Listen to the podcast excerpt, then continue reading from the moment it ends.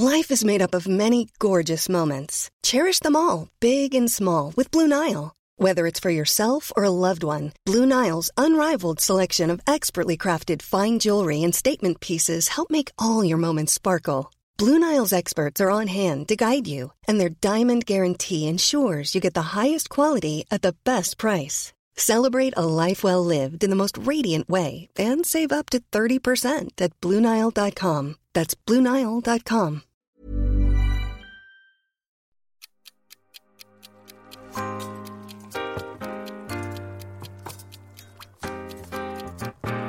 Lunsj, Lunsj med, lunsj med, lunsj med Lars. lunsj med Lars. Lunsj med, lunsj med Lars. Det er valgkamp, og noen snakker om taktisk stemmegivning. I dag skal vi se litt på hva det er. Velkommen til Lunsj med Lars, en podkast fra Stavanger Aftenblad om valget i Rogaland og Norge. Mitt navn er Lars Helle, og jeg er redaktør i Aftenbladet. Min faste medsammensvorne er kommentator Hilde Øverbakk, og i dag har vi òg med oss regionleder i LO, Eirin Sund. Hilde, eh, noen sier at da Erna beholdt makten eh, med forrige stortingsvalg, så var det fordi Høyre-velgere i Akershus stemte Venstre. Eh, altså en slags taktisk stemmegivning. Stemmer det, og forklar dette litt nærmere for oss. Ja, det stemmer. Fordi at eh, det var mange som fant ut at hvis de skulle eh, få gjennomslag eh, og danne regjering etter det valget, så måtte de få Venstre opp over sperregrensen. Og så var det mange da som egentlig stemmer Høyre til vanlig, så bestemte seg for at de skulle stemme Venstre akkurat ved det valget. Og det, det, det lykkes jo, fordi at Venstre sitter jo på, i regjering nå. De kom inn på Stortinget med nok representanter.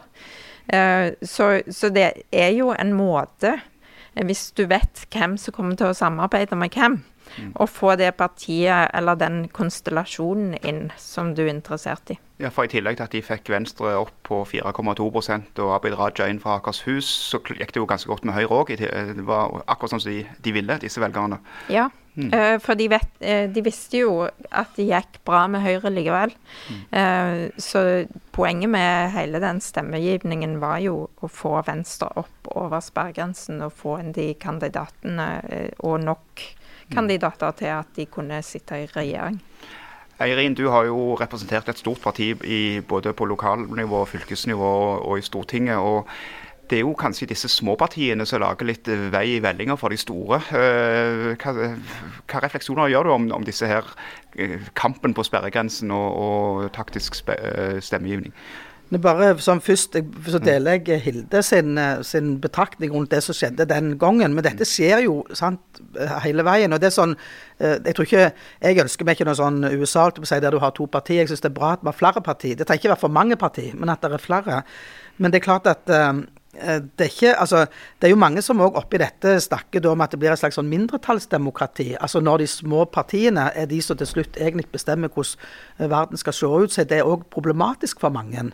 Men jeg husker veldig godt med valget her i, 20, i Stavanger i 2019, var vel det vært. Da var det jo et veldig sånn tydelig sånn rød-grønt flertall som, som Kari Nessa Nordtun på en måte bygde og knadde på en måte sammen med de andre rød-grønne partiene.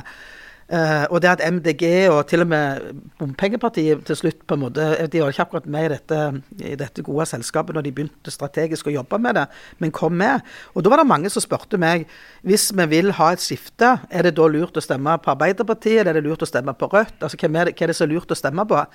Og Da var alltid svaret mitt når folk spurte at uh, du må først og fremst stemme på det altså Hvis det er, hvis det er Arbeiderpartiet du ønsker, må du stemme på Arbeiderpartiet. Det nytter ikke på en måte i denne sammenhengen å stemme på Rødt. Men, men eh, men når de har på en måte likevel sagt at de er ei blokk, og hvis du tenderer til å ønske Rødt eller MDG, så er ikke det heller en stemme som er vekkasta, for du styrker på en måte den blokka. Men, uh, Men det kan jo òg være at, eh, at det er noen politikere i Rødt. De har jo f.eks. en framtredende toppkandidat, eller de hadde det da. Han skal òg stille til stortingsvalg nå. Som kanskje appellerte til Arbeiderparti-velgere? Eh, Ja, jeg tror, altså, jeg tror nok at med forrige valg så appellerte f.eks. Mimir, da, som representerer Rødt, til, til både kanskje tidligere SV-velgere og Arbeiderparti-velgere. Mm. Så det, eh, det er ikke tvil om at en her tar av hverandre. Vi ser jo da faren for, spesielt når vi går inn i et stortingsvalg, så er jo faren for dette i forhold til sperregrenser. For da vil jo de små partiene, hvis det, kom, hvis det er mange titusenvis av folk som stemmer på et av de bitte små partiene, holdt jeg på å si, så, så, så vil det ikke utgjøre nok til at de på en måte kommer over sperregrensa. Da kan det være stemmer som på en måte håper jeg, dette i Det er noen som kaller det for bortkasta ja, stemmer. bortkasta stemme. En stemme er jo ikke, ingen stemme er jo bortkasta, for det reflekterer jo ikke folk faktisk vil. Men hvis du skal bytte, bytte regjering, f.eks., så, så, så kan det være de stemmene som da ikke lenger teller, på en måte, som gjør at en regjering eh, ikke kan etableres. Så, så, sånn sett så tror jeg Kanskje at noen tenker at hvis en vil ha en ny regjering, så, så, så, det, så kan en sikre seg bedre på det med å stemme på et større parti enn et mindre parti. Og nå mener ikke jeg at en skal gjøre det. for Jeg sitter ikke og løfter Nei, fram jeg, det. jeg, jeg forstår det, men det, så går det òg an å komme på Stortinget uten å komme over sperregrensen, hvis du gjør det bra i ett valgdistrikt. Ja, med utjamningsmandat og disse Ja, tingene. og I tillegg så kunne, Hvis fylkestingsvalget for to år siden hadde vært stortingsvalg, så hadde altså Bompengepartiet kommet inn på Stortinget fra Rogaland. Eh, uten at de er verken over sperregrensen eller, eller, eller noen ting. Så det, Ja, det er jo et poeng. Så, så, så der er det noe. Men, men det kan faktisk Nå er jeg kanskje litt, litt, litt nerdete, men kan også, noen vil også si at det kan være bortkasta stemmer med å stemme på de store partiene. F.eks. så har KrF én representant på Stortinget nå fra Rogaland. De trengte ikke alle de stemmene de fikk der. Det er mange, De kunne tatt vekk 2000-3000 av de stemmene, og Olaug Bollestad ville blitt valgt inn likevel. Så, så det går an å se, se det på den måten òg. Det, det gjelder jo kanskje ikke bare de små partiene, dette.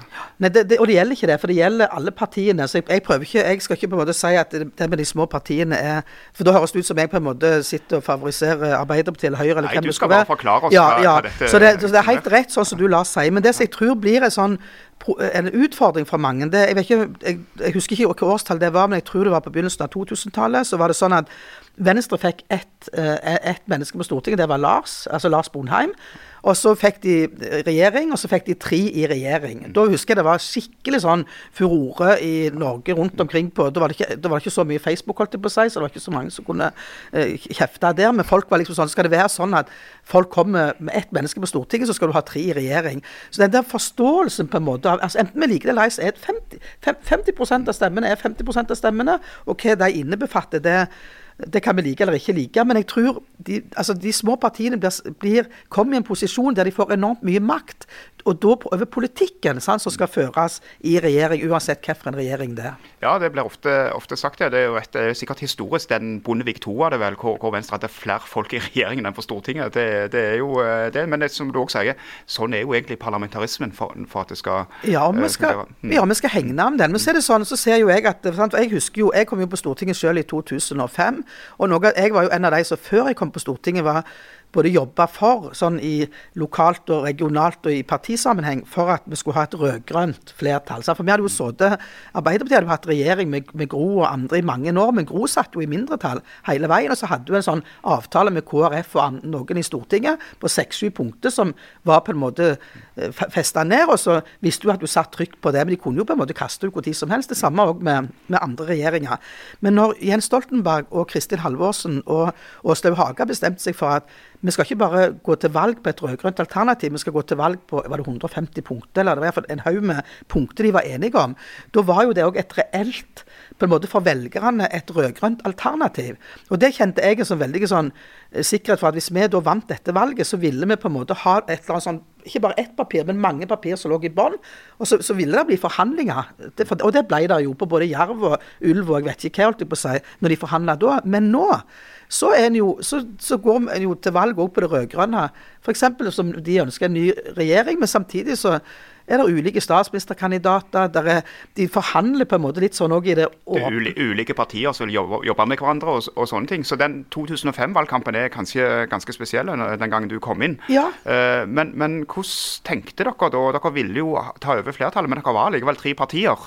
Eh, og da oppsto kanskje òg diskusjonen om hvem, sk- hvem skal jeg egentlig stemme på for å få til dette, hvis du ville ha regjeringsskifte? Ja. Altså eh, Senterpartiet eller SV eller Arbeiderpartiet? Og det er klart at da sa jo alle, og det synes jeg, jeg tror òg bare sånn, jeg tror Jens og Åslaug Haga, som da var leder i, i, i Senterpartiet, og Kristi, de tror jeg hadde i sammen en eller annen ekstremt god sånn kjemi.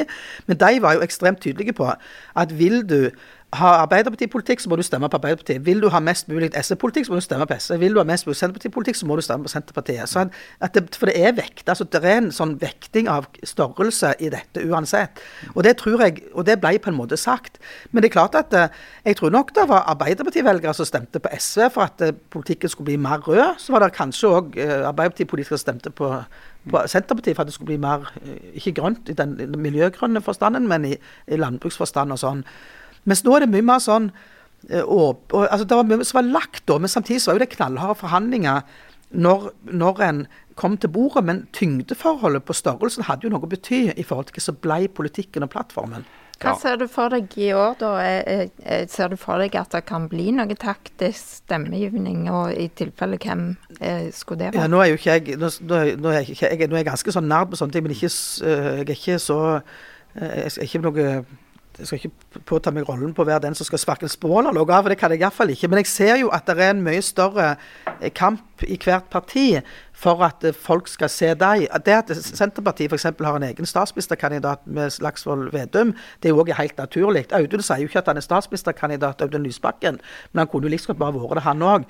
Men, men det jeg merker meg nå, det er jo mer det der eh, der, der forhandles på en måte Og det er ikke spesielt nå, det har egentlig skjedd for fire år siden òg. Det forhandles i det åpne rom på en, på en helt annen måte. Sånn som når hun Kjersti Toppe i Senterpartiet gikk ut her rundt 17. mai og sa at eh, og faktisk fridde til KrF, altså som egentlig ikke er en del av det rød-grønne samarbeidet, og sier at eh, hvis dere bare eh, KrF kikker på Senterpartiet, så skal jeg vi garantere altså hvis dere er med oss, skal vi garantere kontantstøtten.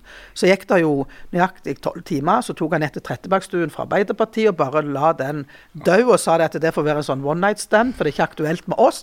Og det er klart, da, tenkte, er det sånn jeg jeg, Som velger da, så hadde jeg tenkt Hva er det de da vil gjøre når de kommer i regjering? på en Det er, jo måte? sånne, det er jo sånne ting vi i mediene elsker. Ja, ikke sant? Men, men, men det spørsmålet du stilte, Hilde, det kan jeg stille til deg. Som du er jo vår, en av våre eh, valgeksperter. Så tror du det blir taktisk stemmegivning, og hvor vil det skje, og i hvilken form vil det, vil det uttrykke seg? Det, det jeg ser er på høyresiden, er jo, det er jo egentlig mest der at det er aktuelt òg denne gangen. Fordi at de to partiene, KrF og Venstre, ligger jo helt under sperregrensen på de siste målingene. Eh, og hvis du skulle ha noe som var veldig taktisk, så må det jo nesten være en eh, repetisjon av den øvelsen du hadde forrige valg. Eh, men da er det nok mest nærliggende at de stemmene går til venstre. For jeg klarer ikke helt å se for meg at eh, veldig mange Høyre-velgere skal mobilisere for KrF. Fordi at den politikken er egentlig eh, ganske forskjellig. Og, og det er litt annerledes, tror jeg, for Høyre-velgere å stemme på KrF enn det er å, å stemme på Venstre. Så jeg tror nok at den taktiske stemmegivningen, hvis det skulle være eh, en plass, blir på høyresiden. Ja, så ser vel bildet sånn ut nå at jeg, jeg vil tro at Arbeiderpartiet, SV og Senterpartiet kanskje tror at de, at de kan klare seg uten å f.eks. måtte avgi velgere til de, altså de to andre på den sida, Rødt og, og MDG. Men du har jo situasjoner i fylket, f.eks. i Rogaland. Der er jo SV alltid et, en av de siste mandatene inne eller ute. Eh, så, så du kan jo ha en sånn lokale taktisk stemmegivning hvis, hvis folk fra Rogaland vil, vil ha inn en fra SV. Ja, absolutt. Det kan en. Også, eh, og det er jo sånn, for jeg tenker, hvis, jeg, jeg tenker jo at de rød-grønne partiene i Rogaland jeg tror de tenker at eh, det som er viktig, er at vi bevarer de rød-grønne som vi har. eh, Og at vi ikke mister noen. Hvis vi mister seg til hverandre, så er ikke det akseptabelt, for det mener de egentlig ikke, men de kan si det. Og så må vi prøve å ta på en måte fra fra de andre. Men jeg tror nok at både, både sånn som Ingrid, som er førstekandidaten i SV Ingrid Fiskå, ja. Ingrid Fiskaa, beklager med med bare fornavnsbruk. Ingrid Fiskå og Mimir Kristiansson i, i, i Rødt, så kan det være folk som tenker at eh, vi ønsker eh, deg inn, eller for den saks skyld Ole, Ole Bollestad i KrF. Og derfor kan det generere at folk tenker vi vil ha, eller generere en eller annen sånn kamp for dem. Så, men samtidig så kan det òg være litt sånn Jeg tror faktisk det var i Aftenbladet jeg leste den kommentaren. Jeg vet ikke om det var Hilde som sitter her, eller Solveig Sandelsson. Men det som Senterpartiet, nå, når de er så tydelige på at de både har egen statsministerkandidater og de er store på målingene, at eh, kan det være at de nå gjør seg, seg selv så høye og mørke, at de, eller lyse, eller hva det blir, at det faktisk kan, kan gjøre at en mobiliserer på, på, den, på den røde sida for at ikke Senterpartiet skal bli så store. Det er ikke taktisk stemming, men det er allikevel taktisk i den forstand at en ønsker ikke det. Kan, jeg sier ikke at det blir sånn, men kanskje, kanskje er den kommentaren som sto i Aftenbladet en, en klok kommentar på hvordan velgerne ser det. Ja. Og så vet vi jo også i Rogaland akkurat nå så har Arbeiderpartiet fire inne, og det var med nød og neppe fjerde man kom inn. Så der var det ikke så mange bortkasta stemmer sist gang. Men, hvis, eh, men, men den vil jo være den første som står i fare hvis f.eks. noen har lyst til å få inn Rødt eller MDG eller SV her inne. Så, så Absolutt. Så de slåss om, de rød-grønne her òg slåss om. Så uansett på hvor mye de òg på en måte står sammen, så vet jeg at de slåss om òg de samme velgerne. Mm. Og det er gjerne nok spesielt Arbeiderpartiet, SV eh, og Rødt kan slåss om de Så samme det er ikke bare velgerne. som må legge opp taktikk, men òg partiene, da? Partiene har nok lagt opp mye taktikk. Noe som de deler med hverandre i de ulike blokkene, og noe som de ikke deler. Har du holdt på sånn? Jeg har, holdt på, jeg har ikke holdt på med sånn Jo, jeg har holdt på sånn og telt og sånn. Sant? Vi ser på en måte Når Aftenbladet Jeg husker da i, for, for fire år siden, når Aftenbladet siste målingen sin meldte at Arbeiderpartiet var så så langt altså så langt ifra fra det fjerde mandatet, da satte en jo støtet inn noe helt alvorlig sant? i forhold til eh, å, å få, prøve å få det på plass. Men jeg er opptatt av, og det har jeg sagt til de, alle de der som vi støtter, da, at nå dere, dere er dere selv og deres egne parti, må forfekte det. Men dere må prøve å være greie med hverandre, ikke stygge med de andre, men vise også på en måte at dette som dere eventuelt eh, sier her, er òg det vi skal si sammen i regjering. Og så sier Rødt og MDG at de skal ikke være med i regjering, men begge, iallfall MDG, har jo til og med landsmøtet vedtatt at de støtter en rød-grønn regjering. Vi merker jo det med meningsmålinger og hvordan de teller, for nå kommer telefonen til Aftenbladet egentlig hver dag. Når kommer neste måling? Når kommer neste Ja. måling? Så, så jeg tipper nok at partiene holder på sånn og legger litt taktikk ut fra det, da, for, for, for å se på, på tingene. Er det sånn at de sitter med forstørrelsesglass? Ja, det gjør de. De har, altså, de har sine egne målinger, og de har sine egne folk som sitter og analyserer det som blir målt. Og de, og de har òg de sitter og vet, altså Høyre vet hvor de skal gå og banke på de siste dørene, eller hvor de skal henvende seg på hvorfor en bydel i Stavanger eller i Sandnes, eller om det er på Kvarnland eller Bryne. Det samme vet Arbeiderpartiet. Vi vet på en måte at altså Det som jo er her, altså, nå vet vi at det sitter titusenvis av folk på gjerdet og ikke har ramla ned. Og de må få de til å ramle ned. Og, da, og hvordan får vi de til å ramle ned, og hvor er de som ramler ned? Hvor, hvor bor de som ramler ned, som vi som kommer til å stemme på oss hvis de ramler ned? Sånne ting òg sitter de og analyserer i. Så ikke tvil om at den mobiliseringen f.eks. med sist valg her i Stavanger kommune, som var mot Østre bydel fra de rød-grønne partiene, den tror jeg har hatt betydning eh, for, for at valgresultatet òg gikk bra for dem. For der er det mange som når de ramler ned, vil stemme spesielt på rødt, rød side. Tror du det har noe å si nå når eh, Trygve Slagsvold Vedum har lansert seg som eh, statsministerkandidat, at folk kan stemme litt taktisk for å få Senterpartiet opp eh, i prosent, sånn at de får mer makt i den konstellasjonen? Ja, jeg, jeg tror det er litt sånn som jeg refererte til tidligere, den kommentaren i Stavanger Aftenblad. For det kan, være, det kan slå begge veier. Det kan være både at noen tenker vi ønsker ikke Jonas Gahr Støre f.eks. som statsminister, vi ønsker et stort Arbeiderparti. Nå har vi òg en reell eh, statsministerkandidat. Men det kan òg være noen som med, med den lanseringen tenker at det, Senterpartiet må ikke bli for store og sterke i en sånn rød-grønn konstellasjon, for byen er like viktige som distriktene altså, osv. Så, videre, og så, så dette kan slå begge veier. Så jeg syns de har en tøff eh, de, de gamle høyt, Senterpartiet, tenker jeg på hvor, i forhold til hvor folk kan ramle ned til slutt. da. Da nærmer denne lunsjpausen seg slutten. Eh, I Lunsj med Lars i dag så har det blitt klart at eh, det er ikke bare partiene, men òg velgerne som må legge taktikk før de går til valgurnen eh, 13.9. Takk til vår gjest eh, Eirin Sund og kommentator Hilde Øvrebekk. Jeg heter Lars Helle, og dere finner Lunsj med Lars i Aftenblad-appen eller der dere ellers eh, finner podkaster. Takk for i dag. Lunch med, lunch med, lunch med Lars. Med Lars. lost.